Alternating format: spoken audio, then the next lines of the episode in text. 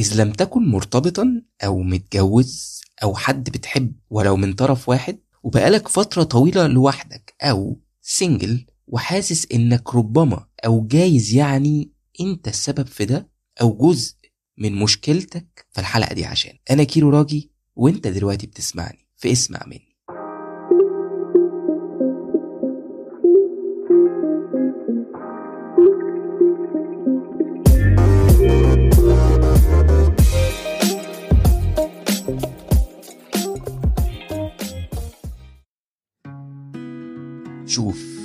الناس السنجل الطيبين اللي زي حالاتي وحالات كتير من اللي بيسمعوني مقسومين نصين. في نص مبسوط أو يبدو مبسوط ومرتاح ومرستق حياته على وضعه كده على الأقل ولو مؤقتا يعني. وفي ناس لأ. الموضوع مسبب لهم أزمة في حياته لا ده غلط ولا ده غلط. ولكن في النهاية احتياجاتنا لعلاقة أو لشريك حياة أو لوجود حب ده احتياج أساسي. ولكن برضو من كتر العلاقات المؤذية والناس التوكسيك اللي بنقابلهم أو السامين في حياتنا أو حوالينا ووسط المفاهيم المشوهة عن العلاقات وعن الجواز وعن الحب وعن الجنس وعن كل ما هو متعلق بالعاطفة وبالمشاعر أو الارتباط. قد يبدو إنك تفضل single هو الحل الأسلم نسبيا. ولكن إحنا كمان علينا عامل في إنك تفضل single مش بس الموضوع متوقف على العوامل الخارجية اللي حواليك. وفي حاجات بعد تفكير عميق في الحدوتة دي وأنا يعني بقالي single حتى الآن فترة لا بأس بيها يعني هقولك على حاجات بتمنعنا بشكل مباشر أو غير مباشر إننا ندخل في علاقة. أو ننجح إننا نكون في علاقة. أو لو بدأنا في حاجة بنلاقي نفسنا صعب نكملها. والأمور بتتلخبط فالنتيجة إنك بتفضل سنجل جايز ما يكونش عندك كلهم. القط اللي يخصك وحاول تفكر فيه وتبدأ تشوف مشكلته جاية منين وتحاول تعالجه. وعلشان يكون الموضوع مبسط فأنا قسمتهم بوينتس تعال ناخدهم واحدة واحدة. أول حاجة الواقعية المفرطة. في ناس تحس كده بقت بتبص للحب أو للرومانسية من فوق أو باعتلاء كده. يقولك إيه التفاهة ده؟ إيه المحن ده؟ ماليش أنا في التلزيق ده. ما عنديش خلق أنا للي بيحصل جوه العلاقات. عايز تشوف ده كمان بوضوح؟ شوفه وإحنا داخلين على الفالنتاين مثلا. من الناس ال single المساكين اللي زي حالاتنا؟ وهما بيتريقوا أو بيحطوا كوميكس أو الحاجات اللطيفة اللي إحنا عارفينها وقت الفالنتاين. بس الحقيقة بقى إن كتير من اللي بيتريقوا دول نفسهم برضه يعيشوا نفس المشاعر الحلوة دي. نفسهم يتحبوا أكيد كل الناس نفسها تتحب. أو نفسهم يبقى عندهم شريك في الحياة. ما بقولش إنه لازم يحصل بالشكل برضو يعني اللي فيه سنة over ويعني في حاجات أنا صحيح شخصيا يعني مش عايز أحكم على أي حاجة ولا أي حد بس أنا شخصيا في حاجات بشوف إن أنا ضد التلزيق فيها أو اللي بيسموه creepy love لكن برضو جزء من المشاعر دي حلو لو حقيقي يعني ولو مع الشخص السليم وفي العلاقة السليمة. وللأسف ناس كتير من اللي بقوا بيبصوا للحياة بواقعية مفرطة وبيشوفوا الحب والرومانسية على إنها تفاهة أو يقول لك في ناس فعلا بتقول كده يقول لك مفيش حاجة اسمها حب. أنا الحقيقة مش مع ده خالص. بس هما في الآخر ناس أصلا أغلبهم كانوا رومانسيين وحبوا بجد بس اتوجعوا جدا. أو زي ما حبوا جدا اتوجعوا جدا. وما عرفوش يخفوا من وجعهم ده أو يتجاوزوا التجربة دي أو التجارب بشكل سليم أو بشكل كامل. يعني بقوا كده بفعل الصدمة في تجربة أو صدمات أو مع تكرارها يعني أو مع تكرار وجع قلوبهم اللي كانت بتحب أو تكرار فشل علاقاتهم أحيانا. فبيبقى الحقيقة بقى إن الحزن والوجع القديم والتأثير السلبي لتجاربنا السابقة هو واحد من أهم أسباب إنك تفضل سنجل وأحيانا ممكن يمنعنا أصلا إننا نشوف حد مناسب لينا أو نقفل بيبان الحب في وش أي حد يحاول يقرب لنا. النقطة التانية هي معاييرك العالية وأحيانا الوهمية. شوف في ناس عندهم معايير كده مش مواصفات مادية ومش ملموسة ومش مواصفات ليها علاقة بالشكل لا. أنا بتكلم على حاجة أعمق من كده المعايير أو الستاندردز حاجات أعمق من كده. كل واحد ومعاييره. ولكن ولأننا بنكون كتير مثاليين أو عايزين أحسن حاجة من كل حاجة وده مشروع ومن حقنا كلنا كبني آدمين لكن كمان بيخلينا نعلى بالمعايير. فغصب عننا بنلاقي فجأة كل اللي حوالينا غير مطابقين لشروط الجودة اللي إحنا حاطينها. عشان نكون في علاقة من جديد. أو لو كنا مرينا مثلا بتجربة حب ومشاعر مع- شخص كان كويس قوي أو كانت مشاعرنا في أبهى صورها أو العلاقة دي كان فيها توافق ومثالية بشكل كبير لكن ما كملتش لأي سبب إن كان بقى. وأنا شخصيا يعني عديت بالمشكلة دي تحديدا في فترة من فترات حياتي. فده بيخليني أو بيخليك أو بيخلي معاييرك عموما في الشخص اللي بعده أو في العلاقة اللي بعد كده أعلى غصب عنك. وده أنا شخصيا زي ما قلت حاولت أحرر نفسي منه بإنه قلت لنفسي لأ. كل علاقة وكل حد وليه طريقته في الحب وكل حد وكل علاقة وليها حلاوتها وليها الحاجات المختلفة فيها. وليها عوامل نجاحها كمان. ده لو كانت مناسبة. مهمة الفكرة دي. ده غير طبعا ال social media وال couples اللي عملوا واللي علوا ال standards بتاعت ناس كتير. بإن هي دي اللي بيحصل على الإنستجرام هو ده أو على يوتيوب هو ده الشكل السليم للعلاقة. هو ده اللي إحنا نفسنا نعيشه. وتخيلنا إنه في ناس عايشة حياتها بمنتهى السعادة 24 ساعة. كل حياتهم حب في حب. كل حياتهم سفر وخروج وتصوير ولاف لافا وكل حاجة. وده مش حقيقي. مستحيل يكون حقيقي. وصعب أي حد ناضج يصدق. بس في ناس مصدقين. للأسف. وده بيعطل وجود علاقة ممكن تساعدهم في حياتهم على أرض الواقع. أنا شخصيا وصلت القناعة ممكن أقول لكم عليها. إن العلاقة هي إنك تكون الشخص المناسب مش بس إنك تدور على الشخص المناسب.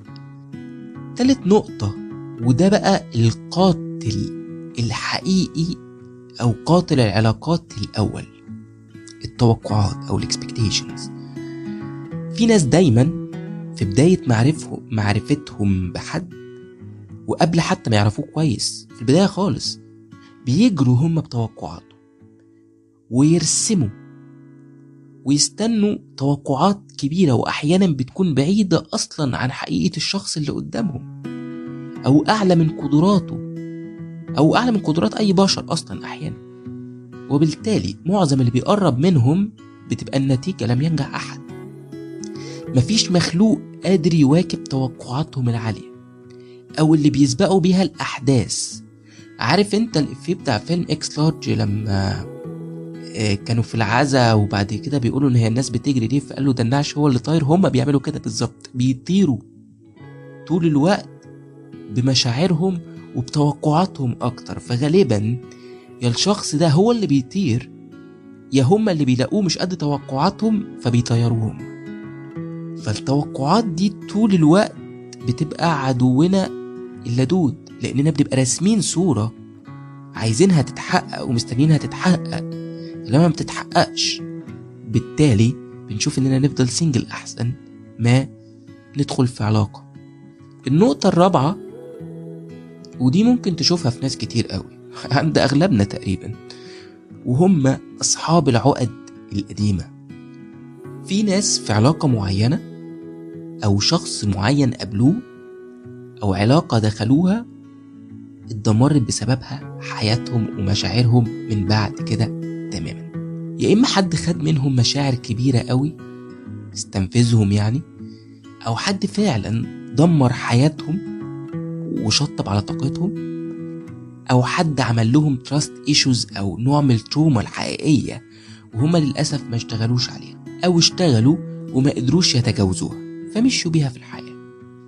أو يا إما ناس اتسابوا بطريقة وحشة أو مروا بعلاقة كانت مؤذية جدا أو الرابط كان قوي في العلاقة دي وتعلقوا جامد وما قدروش يفكوا الرابطة بتاعت التعلق بسهولة. المهم في حدوتة مأساوية وخلاص. والصراحة كمان ممكن تبقى عقدة بسبب علاقة أب وأم نفسهم. وده بيأثر بشكل كبير من غير ما نحس. الموضوع معقد جدا. وهنا انت بس محتاج تاخد بالك وتعرف عقدتك جاية منين وهتشتغل عليها إزاي. كمان لازم تكون واعي انك ما تسيبش قوي أو ما نسيبش قوي عقدنا ترسم اللي جاي من حياتنا عشان نعرف نعيش. خامس نقطة لو عندك low self esteem كتير قوي بنكون حاسين إننا مش مؤهلين لعلاقة صح. ما نستحقش نتحب. هنفشل زي ما بنفشل في كل تجربة دخلناها لأننا أصلا فاشلين في الحب. أو نقابل حد كويس فنقول معقول ده ممكن يحبني؟ أو دي هتحبني أنا؟ أو نقول مش جايز لو عرف أو عرفت ماضية أو تفاصيل حياتي قبل كده تبعد أو ما ترضاش طب هو لو قرب مني وعرفني كويس هيحبني على إيه؟ طبعا كمان لما بتبص على أصحاب الجمل دي من بره ما بتصدقش إنها طالعة منهم أصلا لأنه الموضوع ملوش علاقة بالشكل ولا بالنجاح ولا بالمستوى التعليمي ولا بالمستوى المادي خالص بس هي بتبقى فكرة سلبية مسيطره على الشخص نفسه. بس الحقيقة واللي كتير ممكن يعتبروه اكليشيه شوية هي إنه محدش هيحبك بجد غير لما تحب أنت نفسك. ومش هتعرف تبقى في علاقة لو ما عندكش علاقة ناجحة وقوية وحقيقية وسليمة مع نفسك. سادس نقطة مش عايزك تزعل إنك خواف. أيوة خواف. خايف تفشل بقى. خايف على شكل حياتك خايف على حريتك خايف يطلع خازوق زي اللي قبله خايف ما تبقاش قد مسؤوليات الجواز خايف تتخنق جوه علاقة أو حتى خايف تتعلق بحد. بس كده لا ده في ناس بتخاف تنبسط بتخاف تتحب بتخاف من سعادتها. خد بالك إننا أصلا شعب بيضحك بيقول خير الله ما جعله خير. الخوف ده كتير بيخلينا ندي أي حد يقرب مننا أحيانا بالرجل كده اللي هو ابعد أنا مش هتعلق ابعد أنت مش هتخليني مبسوط أو أنا خاف أنبسط وأرجع اتوجع تاني. بلاش أخاف أتأقلم على حد يشاركني يومي وحياتي فخاف أرجع لوحدي ألاقيني مش عارف أتعامل زي ما كنت قبله. والخوف ده بيحكم ناس كتير قوي وقاتل. قاتل بجد. لأنه غير إنه مش هيمنع شيء إنه يحصل لك ولا هيحميك زي ما أنت فاكر. لكن كمان هيخليك عايش جوه قفصك التعيس على إنه مكان آمن في الوجود. بس هو في النهاية سجن. سجن من الخوف. أنت اللي بنيه وأنت اللي مصمم تعيش فيه. سابع نقطة لو عندك مشاكل. كلنا عندنا مشاكل. مش مشاكل بمعنى تحديات الحياة كل يوم لا مشاكل في شخصياتنا. في مننا عنده مشاكل بتبان أول ما بيجي يبدأ يحاول يكون في علاقة أو مع حد أو يحب حد. في اللي عنده مشاكل في الثقة أو trust issues زي ما قلنا. في اللي بتغير قوي. في اللي عايز يكون حد معاه 24 ساعة وفي العكس يكون بس جزء صغير من يومه أو جزء محدد من يومه لكن ما يأثرش على بقية حياته. الفكرة إنه أفعال زي دي غالبا بتطفش اللي قدامك. أو بتقفلك أنت. فالنتيجة إن الموضوع بيبوظ فبتبقى سنجل لوقت أكبر. اعرف مشكلتك فين اللي بتبوظ كل مرة؟ العلاقة أو مشاكلك ممكن تبقى أكتر من حاجة. أو النقطة اللي بتيجي عندها في كل مرة والعلاقة بتلاقيها زي ما يكون ركبها عفريت وحاول تشتغل عليها تفكر فيها تعرف هي إيه أصلها بتحصل ليه. إيه السبب وراها هتلاقي حياتك بعد كده وعلاقاتك بقت أسهل بكتير. في العموم بقى تامن حاجة أو تامن نقطة معتقد علاقة أو جواز يعني خنقة. شوف بشكل العلاقات ومفاهيمها اللي حوالينا ما نقدرش نقول إن المعتقد ده غلط. بس هو غلط. لو حكمت بيه على شخص ممكن جدا تكون ظلمه لأن علاقتك بيه وارد جدا تكون مش كده. كمان الخوف من فقد الاستقلالية هنا ومميزات الحياة اللي كسبوها ناس كتير وهم سنجل ومعتمدين على نفسهم فبنخاف لأي حد يجي يفقدها لنا. أو نفقدها بفعل علاقة. أو بنخاف من جملة إنه إحنا مستنيين حد يجي يكملنا لأننا مش حاسين إننا ناقصين.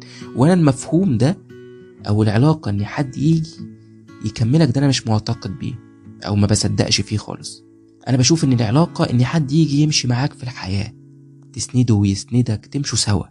لكن مفيش حد بيجي يكمل حد. ده مفهوم بالنسبة لي يعني مش سليم قوي وأنا دايما بشوف النقطة بتاعت الناس ال single دي في موضوع الاستقلالية إن الشخص ال single هنا زي اللي مرتب بيت بتاعه لوحده عايش فيه لوحده وعارف كل حاجة فيه كل حاجة عاملها على مزاجه وخايف إن حد يروح ضارب الباب برجله وقاعد في البيت وملخبط كل حاجة فيه أو مرتبه على كيفه فالدنيا تبوظ. وده للأسف عشان نكون صراحة بيحصل كتير حوالينا سواء من الراجل أو من الست. حد بيدخل حياة حد فيبقى عايز يشكل بقى فيها يغير حاجة ينظمها من جديد على مزاجه. بس ده بيبقى صعب جدا مع ناس عاشت سنجل زي ما قلنا لفترة طويلة أو نجحوا في إن يكون عندهم استقلال بشكل كبير أو بشكل كامل في حياتهم. وفي نظري إنه مش المفروض حد يعمل كده أصلا. أو حتى حد يوافق إنه يتعمل في حياته كده. لكن هنا كل اللي تقدر تعمله إنك تعيد المفهوم ده من الأول بتاع الخنقة أو إن العلاقة خنقة أو إنها هي اللي هتبوظ لك حياتك أو إن الجواز ده هو اللي هيدي لك حياتك بما يناسب حياتك وطريقة تفكيرك وعقليتك وكل ظروفك وكل حاجة. عيد بس صياغه المفهوم. تاسع نقطة ركزوا معايا فيها. إن عينك على حد أو قلبك مع حد عمره ما هيبقى ليك. أوقات كتير قوي بنفضل سنجل عشان في الأصل من جوانا بنحب حد. ربما بعيد بقى ربما ما بيحبناش.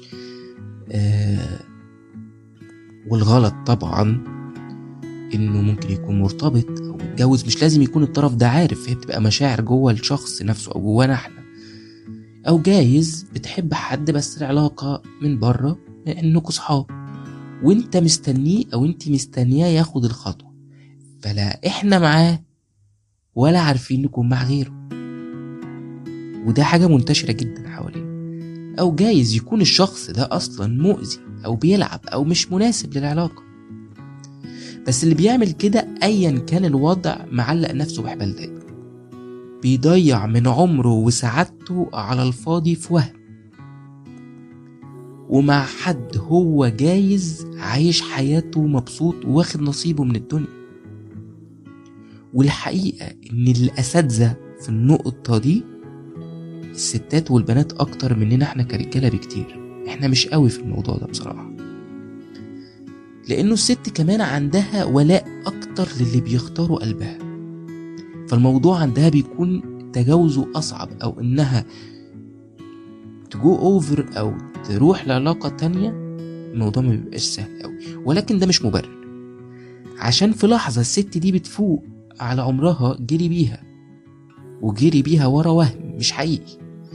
كان أولى بقى إنها تنبسط بالعمر ده مع حد يستاهلها أو يقدرها أو على الأقل okay؟ في مشاعر هي تكون مبسوطة منها. أو على الأقل تبقى single وهي مرتاحة وعارفة تشتغل على نفسها مش single وقلبها موجوع أو single وعايشة متضايقة من اللي هي فيه أو single وحاسة إنه في حد كسر قلبها أو single وقلبها متشعلق. مع حد عمره ما هيبقى ليها. الموضوع ده مؤلم جدا جدا وموقف حياة ناس كتير. النقطة الأخيرة ودي تريكي شوية عشان مش عايز تتعلم من أخطائك. كلنا أكيد اخترنا غلط وبنختار غلط وهنختار غلط. كلنا عملنا كوارث في علاقات. لكن لما تبقى شايف نفسك ما غلطتش أبدا إنك كنت الضحية المظلوم البريء الغير مسؤول عن كل اللي حصل لك أو حصل لك فأنت أو أنت بكده عمرك ما هتتعلم حاجة ولا هتطور من نفسك ولا هتعرف تختار صح ولا هتعرف تكون في علاقة ناجحة. وهتفضل بتلف للأسف جوه نفس الدايرة وبتختار نفس الاختيارات الغلط تقريبا أو بتكررها هي هي بالظبط. وبالتالي بتكرر نفس النتيجة وبالتالي منطقيا هتفضل single أو هينتهي بيك الأمر بإنك single وهنا بقى في تحذير. أنا كل اللي قلته ده أنا ما كنتش بديك خطوات تعمل عكسها فتبقى في علاقة سعيدة. بكرة الصبح. دي مش وصفة سحرية. كنت نفعت نفسي يعني. لكن ده يخليك بس تشتغل على أفكارك على نفسك إنك تكون مهيأ. لو ظهر الشخص الصح اللي هتقدر تكون مبسوط معاه وعايز تكمل معاه حياتك تعرف تشوفه. تعرف تبقى في علاقة سوية معاه فتعرف تكمل بقية حياتك وانت مبسوط أو في العلاقة اللي انت كان نفسك فيها. هو ده الهدف من كل النقط اللي أنا قلتها. ظهر الشخص ده كان بيها ما ظهرش أدينا قاعدين مبسوطين جمال single لحد ما يظهر. وبس كده. أتمنى تكون الحلقة فادتكم بأي شكل من الأشكال. تقدروا تتابعوا كل اللي بكتبه على فيسبوك على الانستجرام كيرو راجي. هتلاقوا ال links في ال description كمان لو بتسمعوني من أي مكان اعملوا subscribe عشان توصل لكم الحلقات الجديدة. تقدروا تسمعوا الحلقات القديمة. أشوفكم الحلقة الجاية. سلام.